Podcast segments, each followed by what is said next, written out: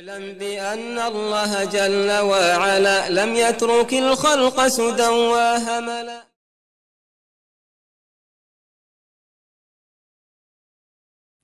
بسم الله الحمد لله الصلاة والسلام على رسول الله استعين بالله لا حول ولا قوة إلا بالله. اللهم لا سهل إلا ما جعلته سهلا وأنت تجعل الحزن إذا شئت سهلا. اللهم أرنا الحق حقا وارزقنا اتباعه وأرنا الباطل باطلا وارزقنا اجتنابه. ولا تجعل الحق ملتبسا علينا فنضل اللهم آت نفوسنا تقواها وزكها أنت خير من زكاها أنت وليها ومولاها برحمتك يا أرحم الراحمين ربنا لا تزغ قلوبنا بعد إذ هديتنا وهب لنا من لدنك رحمة إنك أنت الوهاب اللهم يسر ولا تعسر اللهم بارك وتمن بالخير أما بعد Sva hvala i zahvala Allahu, gospodaru svih svjetova, savršenom, koji jedini ibadi zaslužuje i u tome sudruga nema. Hvala mu na svim blagodadima kojima nas je počastio. zahvaljujemo mu se na uputi, hvalimo ga na odredbi i zahvaljujemo mu se što nam je omogućio da nastavimo sa govorom o najvrednijem mogućem znanju, znanju o tevhidu. Jer Allah subhanahu wa ta'ala nas nizbog čega drugoga i nije stvorio osim radi tevhida.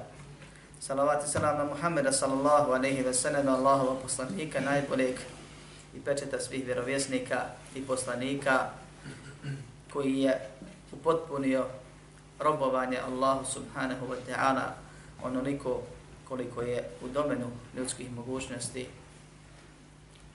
koji je dostavio poslanicu, koji je teoretski i praktično pokazao kako se Allahu robuje, kako se za ovaj din žrtvuje, kako se sa ljudima na najljepši način obhodi. A zatim nastavljamo sa komentarom knjige Tevhida uz Allahovu pomoć i dozvolu. A prije toga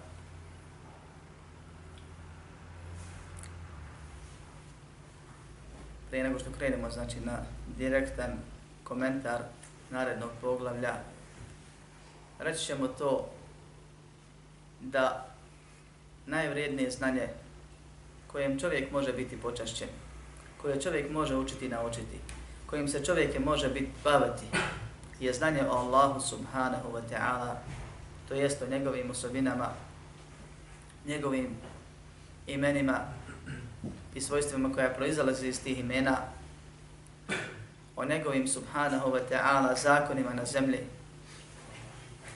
A jedan od načina upoznavanja Allaha subhanahu wa ta'ala je kroz njegove dokaze i kroz njegova stvorenja. Postoji jedan ibadet za koji je šeha Abdulaziz Tarifi kaže da je zapostavljen ibadet u ovom vremenu, a to je spoznaje Allaha subhanahu wa ta'ala kroz analizu, promatranje i razmišljanje o njegovim stvorenjima. Prije svega nebeskim tijelima.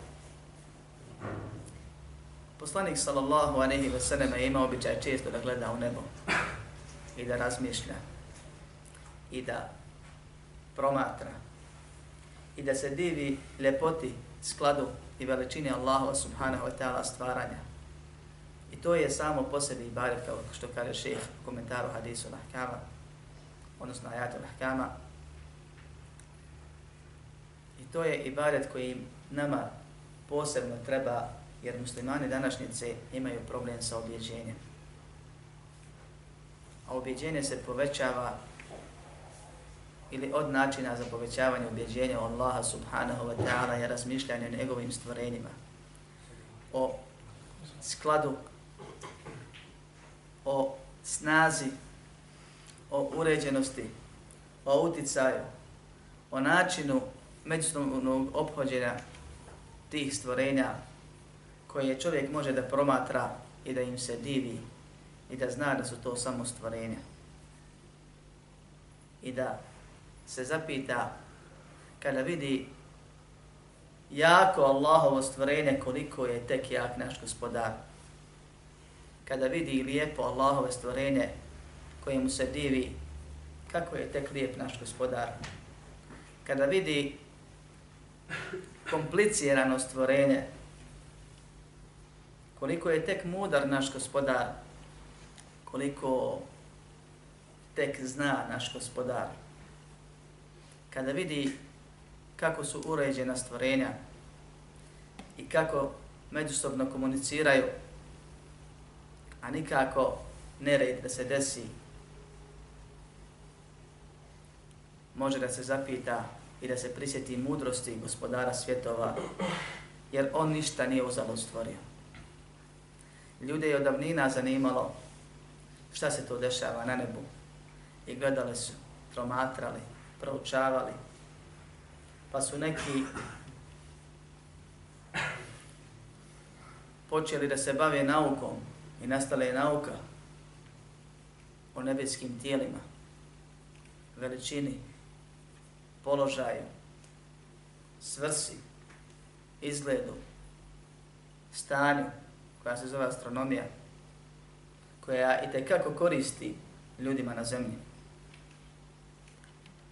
Uporedo s njom, još od ranije, nastala je jedna disciplina koja slovi i u naučnim krugovima za nenaučnu disciplinu. Zovu je astrologija. Bavi se proučavanjem nebeskih tijela i njihovim međusobnim odnosima s ciljem dokazivanja njihovog uticaja na dešavanje na zemlji. Pa neki kroz to mogu, kako tvrde, da vide sudbinu, da pročitaju i saznaju šta će sutra, preko sutra i u skoroj ili daljoj budućnosti da se desi, da vide da li je taj projekat uspješan ili je unaprijed osuđen na propast i tako dalje i tako dalje.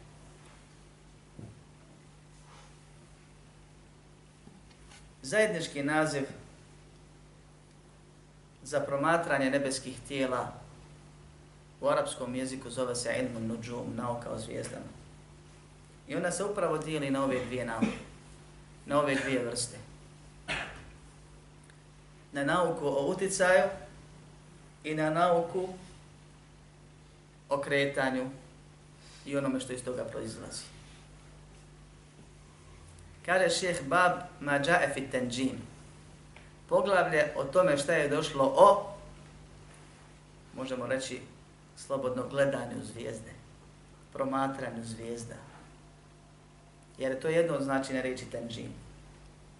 Ali ono što šeheh ovdje hoće i što zbog čega je poglavlje čitavo u knjizi o Tevhidu napisao i odvojio je upravo znači tenđim u onom drugom smislu, a to je nauka o uticaju zvijezda i drugih nebeskih tijela na život na zemlji.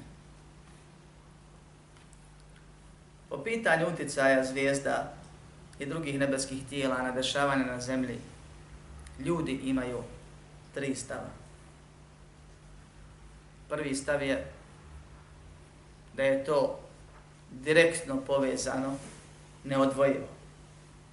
Da se ništa ne dešava bez direktne veze. Drugi stav je da zvijezde i nebeska tijela nemaju baš nikakav utjecaj na dešavanje na zemlji. I treći stav je stav među ljudima, vjernicima i nevjernicima. Je da, ne govorimo ovdje o razilaženju učenjaka, da vam pomene, da postoje određeni uticaji koji su potvrđeni i ono što nije dokazano, u to se i ne vjeruje.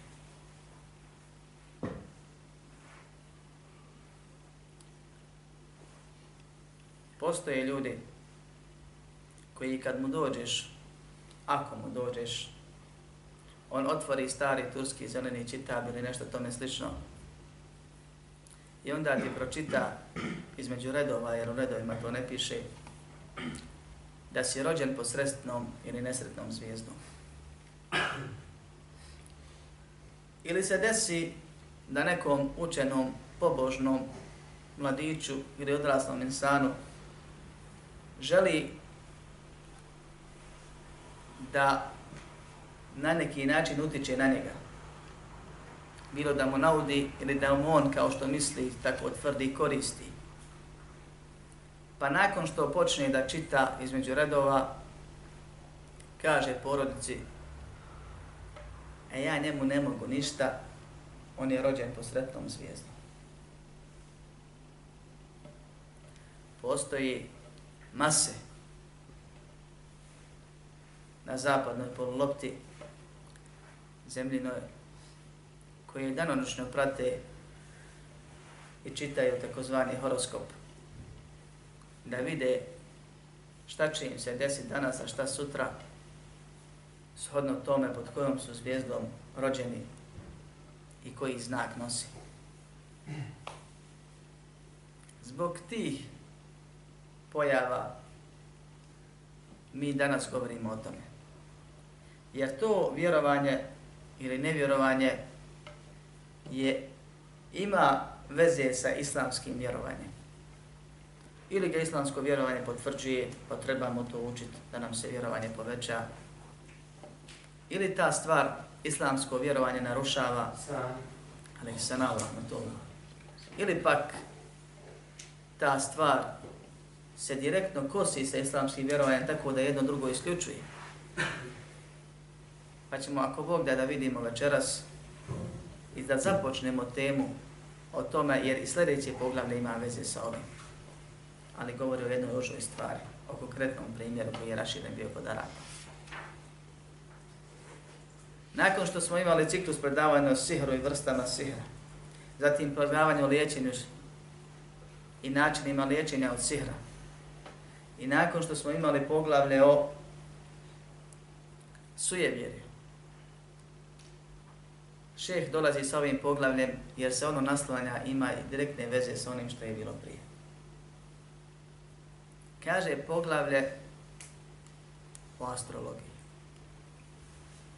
O nauci koja se bavi o uticaju zvijezda i nebeskih tijela na život ljudi na zemlji džina.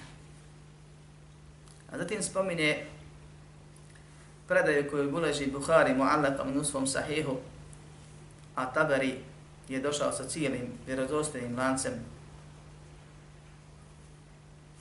Od Katade radijallahu anhu da je rekao rahimahullah خلق الله هذه النجوم لثلاث زينة للسماء ورجوما للشياطين وعلامات يهتدى بها فمن تأول فيها غير ذلك أخطأ وضاع نصيبه وتكلف ما لا علم له به Kaže Katada rahimahullah, poznati mufessir tumač Kur'ana, Allah je stvorio zvijezde iz tri razloga.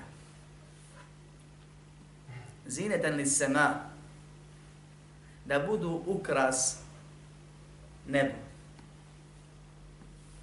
Kao ukras koji stoji na nebu. Kao što Allah subhanahu wa ta'ala kaže, وَلَقَدْ زَيَنَّ السَّمَاءَ الدُّنْيَا بِمَسَابِيحِ Mi smo učinili dunjaloško nebo svjetil, ukrasili dunjaloško nebo svjetiljkama, to je zvijezdama. Zatim kaže Katada rahimahullah وَرُجُومًا لِشَيَاطِينَ I da one budu te koje gađaju šeitane. A dokaz je nastavak spomenutog ajeta. ولقد زينا السماء الدنيا بمصابيح وجعلناها رجوما للشياطين Mi smo ukrasili dunjaluško nebo svjetiljkama zvijezdama i učinili smo da one gađaju šeitane. To su dva razloga ili dvije funkcije zvijezda na nebu. I treća je وَعَنَامَاتٍ يُهْتَدَى بِهَا kao što kaže Allah subhanahu wa ta'ala wa alamatu bin najmi hum yahtadun. Znakovi oni se pomoću zvijezda orijentišu. Zatim kaže ovaj učenjak islamski istaknuti فَمَنْ ta'awwala fiha ghayra ذَلِكَ ko bude tvrdio da zvijezde imaju još neku funkciju još neku ulogu ahta pogriješe je. وَأَضَاعَ ada'a izgubio je svoj udio kod Allaha. وَتَكَلَّفَ مَا ma la ilma lahu bih. I opteretio se, upustio se u to da govori ono za što nema dokaza. O čemu Allah nije znanje objavio. U nama se kako razilazi šta znači Allah nesibe. izgubio je svoj udio kod Allaha subhanahu wa ta'ala. Da li to znači da je izgubio sevap jer je radio nešto što je beskorisno? Ili to znači da je izgubio vrijeme i sevap i nagradu jer je pogriješio? Ili to znači da je izgubio vjeru? I sve su opcije otvorene. Zavisno od toga šta tvrdi taj dotični u tom četvrtom, petom, šestom, tako dalje razliku. Neko će reći da zvijezde služe tu da čovjek prorekne preko njih sudbinu Pa je takav izgubio vjeru. Zato što je sudbina ilmul gajb, znanje o gajbu, nepoznatom. Allah subhanahu wa ta'ala u Kur'anu kaže قُلْ لَا يَعْنَمُ الْغَيْبِ مَنْ فِي السَّمَاوَاتِ وَالْأَرْضِ الْغَيْبَ إِنَّ اللَّهِ Reci ne zna niko na nebesima i na zemlji gajb osim Allaha. A neko će reći neku drugu svrhu koja nije dokazana pa će pogriješiti. Izgubit će seva, izgubit će vrijeme i tako dalje. Tri su funkcije zvijezda koje nisu nam poznate. Tako nas je Allah subhanahu wa ta'ala podučio. I to su ove spomenute stvari. Četvrtu ne smijemo uvesti.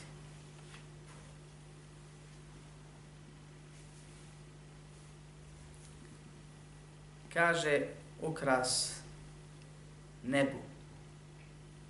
Kojem nebu?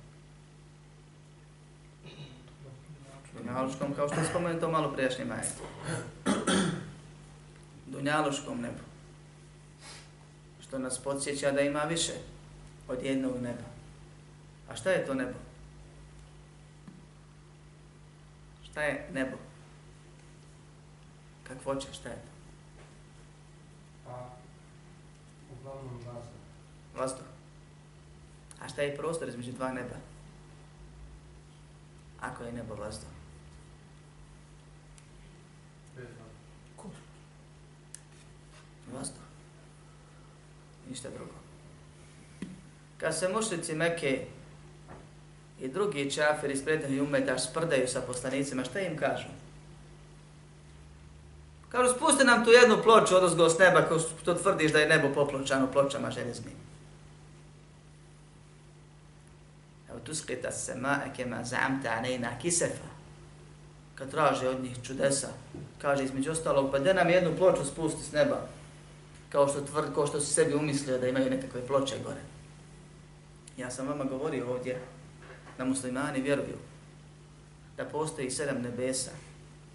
U jednom hadisu je opisano, u Kur'anu je ukazano da su to ploče.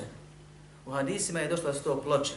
A u jednom hadisu je došlo da je deblina tog neba, deblina te železne ploče 500 godina najbrže hoda.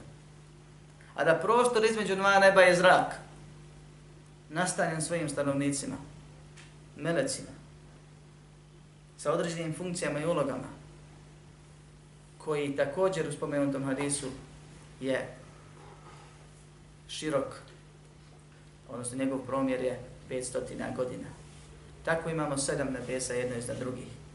Iznad tih nebesa se nalazi džennet, iznad dženneta se nalazi arš, iznad arša se nalazi gospodar svih svjetova koji je iznad svega stvorenoga. Tako su vjerovali ashabi, tabiini, tabi tabiini. Tako vjeruju oni koji šubhi nemaju do sudnjega dana. I ova stvar treba da bude jasna. Prvo nebo odozdo, odozdo s naše strane, je pop ukrašeno zvijezdama. Ljudi koji se bave naukom istražuju i svako malo otkrivaju nove zvijezde. Sjede dan i noć za teleskopima i drugim naučnim čudima, gledaju veličinu i sklad Allahova subhanahu wa ta'ala stvarane da dokažu da nema Boga. Umjesto da im se vjerovanje poveća. Pa kaže, to nije u skladu sa religijama, mi smo zaključili, mi smo otkrili, mi smo vidjeli da se širi, mi smo još više dobacili, pa ćemo još više da dobacimo i tako dalje. A u osnovi još nisu i neće nikad vidjeti prvo nebo. Nisu do prvog došli. A tvrde da su vidjeli i da nema Boga nigdje. I nije to čudo. Pričao mi je prijatelj svršenih Islamskog univerziteta u Medini, kad je bio u da je jednom na dopustu u gradu klanjao. Onako nešto mu duhnulo pa je klanjao. A nije bio redovni klanjača. Pa što, pošto je bio u vazduhoplovcima, odmah je priveden na razgovor informativni kod glavnog komandujućeg, koji mu je rekao sljedeće, mi nećemo bogomolca među plavcima i jesi ti kad letio po gradu? Jesi vidio kakvo gore na oblacima Petra Svetog ili Boga? Nema toga. Jednik misli da je ono iznad oblaka vrhunac. Da je to sve. I sijavim tim što se on digao malo iznad oblaka Allahom vodnom i dozvolom, da je vidio da gore nema ništa. Pa nije čudo ovima drugima što vide daleko više, pa naiđu na istu šeitansku spletku, nagaze, pa kažu nema. Jer su već pogrešno programirani i sa pogrešnim ciljem i namjerom pristupaju to, toj stvari. Inače mi se ne bi to desilo. Musliman golim okom pogleda nebo noću, a. Nekoliko sekundi razmisli da Bog dom nekoliko sati potroši ne bi izdan gubio. Pa mu se objeđenje poveća. Pa mu vjerovanje naraste. Pa moral dobije. Inna fi halqi samavati wal ardi wa ihtinafi al-layli wan nahari la ajati li ulil albab. Zaista u stvaranju nebesa i zemlje, u smjeni dana i noći su znakovi za razumom. Pročiš taj ajet, pa pogledaš kroz prozor, pa malo razmisliš, pa ti se onda klanja, pa ti se onda zikri, pa ti se onda Kur'an uči. I tako dalje i tako dalje. A kako bi tek bilo da zaista možemo dokučiti više ili izdvojiti vremena više za ono što nam istinski koristi. Kaže šeheh dalje spomine jednu zanimljivu stvar, to je وكره قتادة تعلم منازل القمر ولم يرخص ابن عيينة فيه وكره ذكره الحرب ذكره حرب عنهما kaže Katada je smatrao zabranim da se proučavaju položaje mjeseca. To je njihova astronomija bila tada. Ne astrologija, nego astronomija. Koju su kasnije astrolozi upotrebili u svoje, odnosno zloupotrebili. Ljudi učili položaje mjeseca. 28 položaja koje je mjesec napravi, odnosno zastane na njima, na svom putu od istoka ka zapadu. Proučavali da znaju. I Arapi su to znali dobro, kao što mi znamo kazalke na sadu. Šta koja tačno govori, da li je 15, 15 do 12 ili 12 do 15. Pa ti pozajmi dug do te i te zvijezde, do tog položaja. Tačno se znalo koliko dana, koliko vremena i tako. Međutim, kad su ljudi počeli da to zloupotrebljavaju, kad i Ibn Ujajna i drugi dio učenjaka oni koji su bili s njima su smatrali zabranjenim da se to proučava uopšte. Jer je korist mala, a šteta može biti velika, može čovjek upast u nešto drugo. Za razliku od Ahmeda ibn Hanbala, rahimahullah, Ishaqa i drugih, koji su to smatrali dozvoljenim. Ovo su imami među selefom. Ljudi koji su imali svoje mezhebe. Među najučenijim ljudima.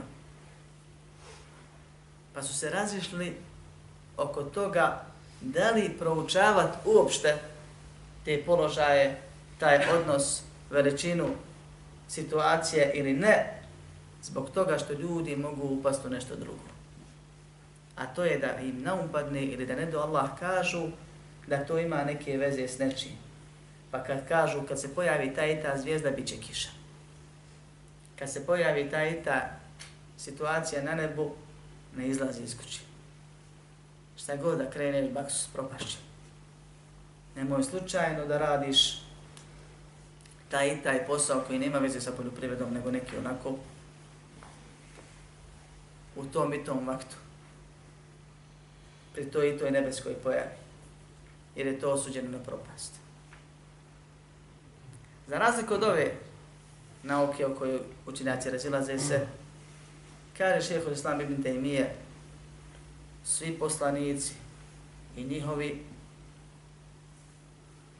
narodi, odnosno sljedbenici među učenjacima, od Muhammeda sallallahu alaihi wa sallam pa unazad, su složni da je zabranjeno bavljenje naukom koju smo mi nazvali Finsal kao astrologija.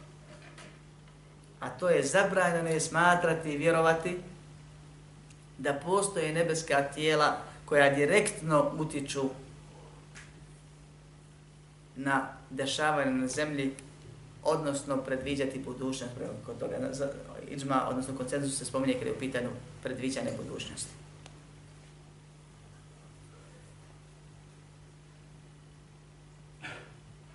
Prije nego što prijeđem, odnosno završim ovu stvar, prokomentarat ću zadnji dokaz koji je šeh ovdje spomenuo, jer je pogledam jako kratko. Kaže, rekao je Allahu poslanik sallallahu aleyhi ve sallam, tharafetun la yedhuluna al dženne, mudminun hamri wa qati ar rahimi wa saddiqun bis sehri. Trojica neće ući u džennet. Hronični alkoholičar, onaj ko prekida rodinske veze i onaj ko vjeruje u sihr. Prvo da napomenem da je hadis slab. Drugo, ovakvi slični hadisi, gdje se za veliki grijeh, na kojem je složno ulema da je veliki grijeh, a nije dijelo kufra, kaže da neće ući u džennet, a postoje rosti hadisi na tu temu, islamski učenjaci ih nazivaju dokazi prijetni i prema njima imaju poseban odnos kad je u pitanju razumijevanje. Za razliku od sekti u islamu koji se pojavili poput Mu'tazila i Haridžija kao i nekih drugih koji potpunosti negiraju. Pravi Mu'tazila ili Haridžija, kad pročita ovaj hadis, kaže ovo je dokaz da pijenje alkohola, prekidanje rodinskih veza izvodi iz vjere. I ovo je dokaz da veliki grijes izvode iz vjere i to ono što mi svoje ime govorimo. Kao da ne postoji drugi dokaz u šarijetu osim ovakav hadis. I kad mu počneš objašnjavati to da je u velikoj zabludi, ne samo u krivu, dobit ćeš poznati odgovor. Hadis je jasan. To je najpoznatiji dokaz na Facebooku. U raspravama to. Hadis je jasan. Jeste jasan. Prvo kad bi bio vjerodostojan, a kad govorimo o vjerodostojnim, jer ima na ovu temu drugih hadisa, kad bi bio jedini. Kad poslanik sallallahu alejhi ve sellem ništa drugo ne bi rekao na ovu temu osim to što si čuo, pročitao, saznao. I kad ne bi bilo ajeta koji to pojašnjava ove hadise. Dođu drugi i kažu, ko kaže la ilaha ila Allah, ući će u džennet. I kaže ti ponovno hadis je jasan. I sve ajete otpadništvo od islama, o džehennemu, o prijetnjama za određene grijehe, o nevjerstvu, nakon vjerovanja, o munafikluku, nifaku, o licemjerstvu, odbaci poput onog prvog. Ehli sunnet val džemaat ima jedno pravilo o kojem smo također govorili detaljno. Ali stalno ga trebamo imati na umu. A to je vraćanje, odnosno tumačenje nejasnih dokaza naspram onih koji su jasni i dokazani. Postoje stvari koje su jasne, kojima su nema složila. Postoje ajeti i hadisi koji su jasni. I postoje ni manje jasni. Allah tako Kur'an nazva, spomenuo. Pa oni koji imaju u svojim srcima zeg, sklonost ka zabludi, oni se uhvate za one manje jasni, koji su njima nejasni. I uhvati ga i kaže, ha jasan je. I njime dokazuje kako ulema je u zabludi. I kako su učeni u zabludi. I kako su daje u zabludi. A on je hvala Allahu na istini. Iako govori nešto s, s čim možda nikad niko nije došao ranije. Ili su došli sljedenici njegove sekte. Ali, dokaz je jasan. A vi mutite vjeru i šubhe braći ubacujete. S druge strane, ehli sunnet vel džemaat, kad govori o velikim grehima, složni su da oni ne izvode izvjere, ali su razlog džehennemske patnje osim onome kome Allah oprosti. Pa tu postoje tri opcije. Da veliki grijeh nagriza, nagriza, nagriza iman, vjerovanje, sve dok čovjek na kraju ne ostavi vjeru. Ili bude razlog kufra, sam po sebi nije kufr. Da veliki grije, čovjek radi, radi, radi, pa se pred smrt pokaje. Pa bude poput onoga koji ga nikad nije ni učinio i Allah mu primi pokajanje. Treća situacija, da čovjek radi određene velike grijehe i preseli bez pokajanja. Takav ima dvije opcije.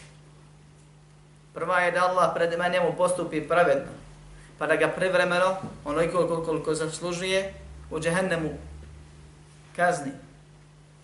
Ili u kaburu očisti. Ili na sudnjem danu kaznom očisti od tih grijeha. Druga je da mu se onaj koji je sebe nazvao, pisao kao svemilosni i samilosni, smiluje i oprosti mu ga. Na sudnjem danu. Pa onaj koji je hronični veliki griješnik, po pitanju bilo kojeg velikog grijeha koji ne izvodi izvjere, ne spada od djela koje izvodi izvjere, za njega ima nade da će ući direktno u džennet. Ali je osnova da će takvi biti kažnjeni.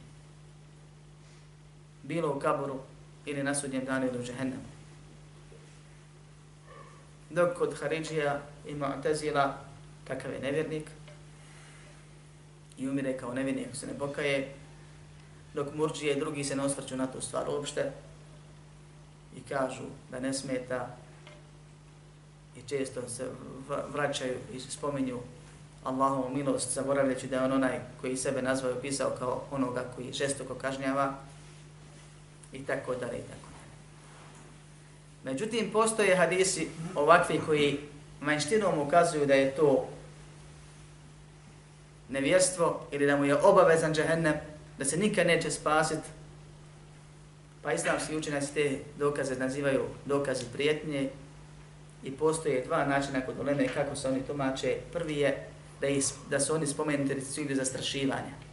Da ih nikako ne tumačimo, ne citiramo ih ljudima. Kako bi ih ostavili. A ako te pita, jel to izvodi izvjere, ne izvodi. Ali pazi se, ipak se prijeti žehennema. Drugi je da se protumači i kažu da su to stvari koje su opasne, koje Allah zbog njihove teškoće, zbog njihove opasnosti nazvao, tako opisao, ili poslanik sallallahu alejhi ve hadisu, jer one u osnovi vode u džehennem, makar bilo privremeno, uz napomenu da to ne izvodi izvjeri. Ako dođe i kaže kako ti kažeš ne izvodi, poslanik kaže izvodi. Odnosno razumije se iz hadisa jasnog, kaže mu postoje drugi ajti hadisi na ovu temu koji govore da će takav biti spašen. A jedno i drugo kaže poslanik sallallahu sallam ili kaže Allah u Koranu. Jedno i drugo je objava, pa ne možemo jedan dio knjige uzeti, a drugi odnesti. Šeh je spomenuo ovaj hadis zbog rečenice Musaddiqun bi sihr, onaj koji vjeruje u sihr. A priča se ovdje o astrologiji. O uticaju ili proricanju sudbine preko zvijezda ili vjerovanju da zvijezde imaju uticaj, ili zvijezda uzrok e, dešavanjima na zemlji koje Allah subhanahu wa ta'ala postavlja. Kakve veze ima ovo jedno s drugim? Štamparska greška sigurno nije. Nedavno smo imali hadis, da skratim, jer sam, bojim se, odužio, u kome poslanik sallallahu alejhi ve sellem kaže men iqtabasa šu'beten minan nuđumi, faqad iqtabasa šu'beten minan sihri zade ma zad. Ko bude učio nešto ko bude naučio dio nauke o zvijezdama taj je naučio dio nauke o sihru. Što više nauči, više mu se poveća, to jest što više uči te nauke, više uči sihra. U prošlom predavanju govorili smo o sujevjeri i govorili smo o vraćanju i vraćarima također nedavno. I spominjali smo da ih ima nekoliko vrsta. I da je jedna od tih vrsta, a princip kod svih je jedan, da otvore neku stvar, uzmu nešto, nešto rade koji nema nikakve veze s onim što govore. Bilo da otvori stare turski zene i čitav. Ili da uzme da gleda u filđan. Ili da nešto čita, da nešto vrti po pjesku. Da pusti pticu pa hoće odletiti lijevo ili desno. I nakon što uradi to što uradi koji nema veze sa onim što hoće da kaže, onda on tebi kaže šta će da se desi. Pa ona je neuki misli da je to on zaista nekakvom metodom saznao. Da je negdje nešto pročitao, negdje nešto uradio, nešto vidio. Isti je potpunosti slučaj sa, onom, sa onim koji tvrdi da određena zvijezda donosi kišu. Kad ta zvijezda nema nikakve veze s kišom. Razlika između njega i onog prvog je što ovaj gledao filčanom, a drugi gledao nebo. Što ovaj gledao čitav, a onaj u nebo. Što se jedan poziva na jedno, a drugi na drugo. I zbog toga, iako je ovaj hadis slab, postoje hadisi od kojih sam dio spomenuo, koji se vraćaju na to da sihr i stvari koje su slične sihru od gatanja, proricanja, vraćanja, suje vjerja i ovih stvari isti propis imaju. Zato ćemo spomenuti kao zaključak šta Ulama kaže o nauci o zvijezdama. Postoje dvije vrste. Prva je nauka koja proučava položaj zvijezda, odnos zvijezda, nebeskih tijela općenito, veličinu, njihov međuodnos i druge korisne stvari koje koriste ljudima. I to je dozvoljena stvar i korisna je onoliko koliko istine korisna. Zato šeho stavim ime kaže nauka o promjeru, površini određenih planeta je ima u sebi malo koristi. Dok neki drugi vidovi te nauke imaju puno koristi.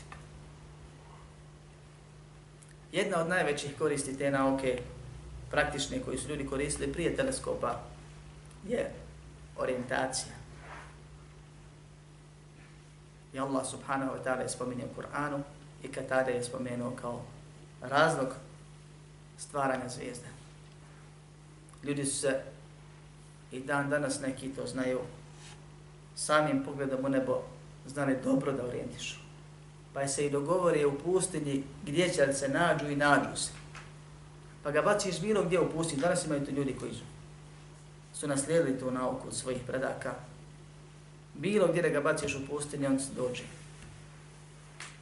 Pogleda, vidi, zna gdje je tačno i dođe. Pravac Kible se također tako ovaj, određivao. Namaska vremena se određuju također pomoću određenih stvari koje imaju veze s ovim. Tako da postoji šerijatska korist i postoji dunjaluška korist. I to je korisna nauka koja je dozvoljena. Suprotno tome ima nauka o uticaju, da koje zovu. Ili vjerovanje da zvijezde utiču bilo same po sebi ili da su one sebe bili uzrok. Pa se ona dijeli na nekoliko vrsta. Prva je, ko vjeruje da neko nebesko tijelo stvara samo nešto. Takav je nevjernik. Jer je potvrdio stvoritelja pored Allah subhanahu wa ta'ala. Naprimjer, da određena zvijezda stvara kišu. Druga vrsta je vjerovanje da su te stvari uzrok Allah subhanahu wa ta'ala upravlja svim i stvorio je, ali preko toga učinio da to bude uzrok. Pa kad god se pojavi neka zvijezda, bit će kiša, na primjer to je haram i to spada u domen malog širka. Zašto? Zato što je potvrdio uzrok tamo gdje ga nema. I vraća se na ono poznato pravilo kojem smo govorili, da smatranje neke stvari uzrokom bez postojanja šarijetskog ili naučnog dokaza je širk. Mali u osnovi, jer ne vjeruje da ta stvar sama po sebi nego daje, nego da je to uzrok. I to je opasna stvar.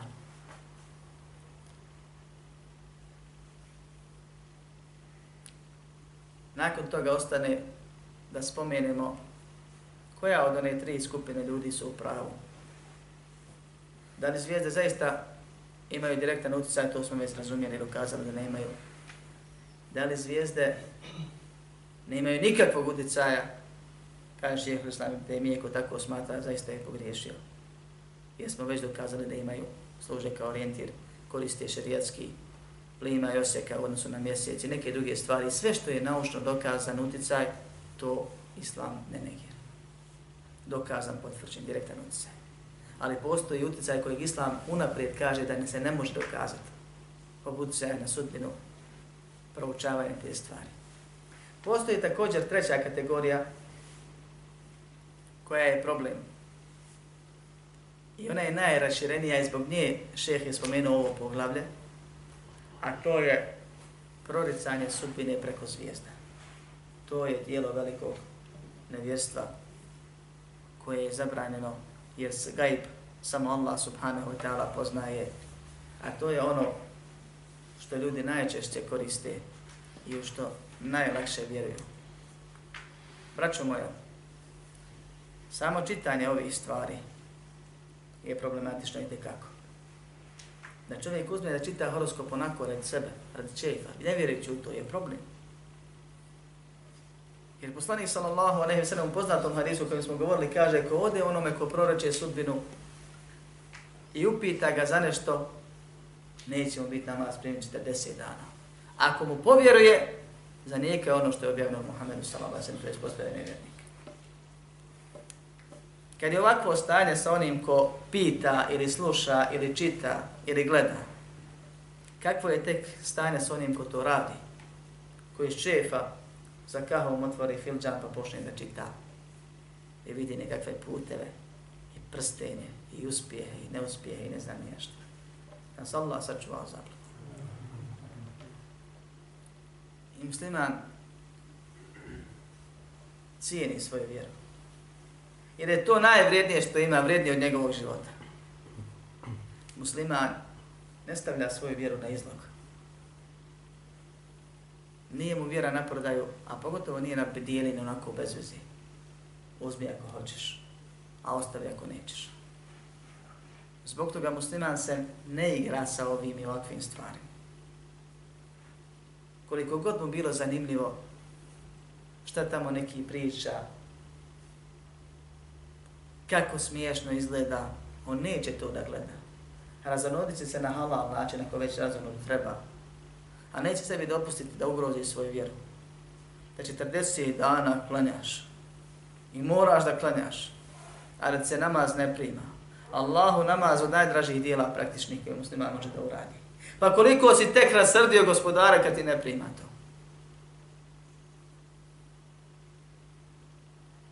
Pa je na nama da ukoliko imamo pri sebi ovih grešaka, da to ostavimo i da se pokajemo i da drugima prenesemo i pričamo ono što se tiče njihovog vjerovanja, jer su to najbitnije stvari. Stvorili smo da ispravno vjerujemo i po tom vjerovanju ispravno dijelimo i ponašamo se. Allah subhanahu wa ta'ala, kad umremo, i sve one nedovršene stvari, za uvijek nedovršenim ostavimo, od milion problema koji svakog od nas tišete. Imaš obaveza, planova, problema, kočnica, svašta ti nešto u životu. Treba i ne treba i ne znaš jesi pošao i si došao, dođe i melek smrti, samo tri pitanja imaš. Gotovo. Ili si prošao ili si zauvijek popravljao njemu. Pa je čovjeku najbitnije da se u životu stalno sprema za ta tri pitanja, ostalo usput nastoji pa ako uradi dobro jest, ako ne uradi, svakako će nedovršeni stvari puno iza nas ostati. Molim Allah subhanahu wa ta'ala da nas, da nas uputi, napravi put, poveća nam vjerovanje i popravi naše vjerovanje, da nas učini zahvalni na toj najboljoj blagodati koju nam je podario.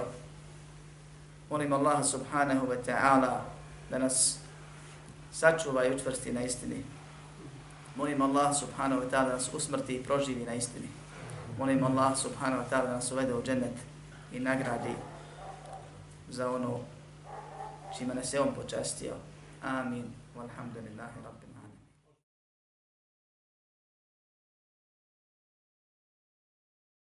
اعلم بأن الله جل وعلا لم يترك الخلق سدى وهملا.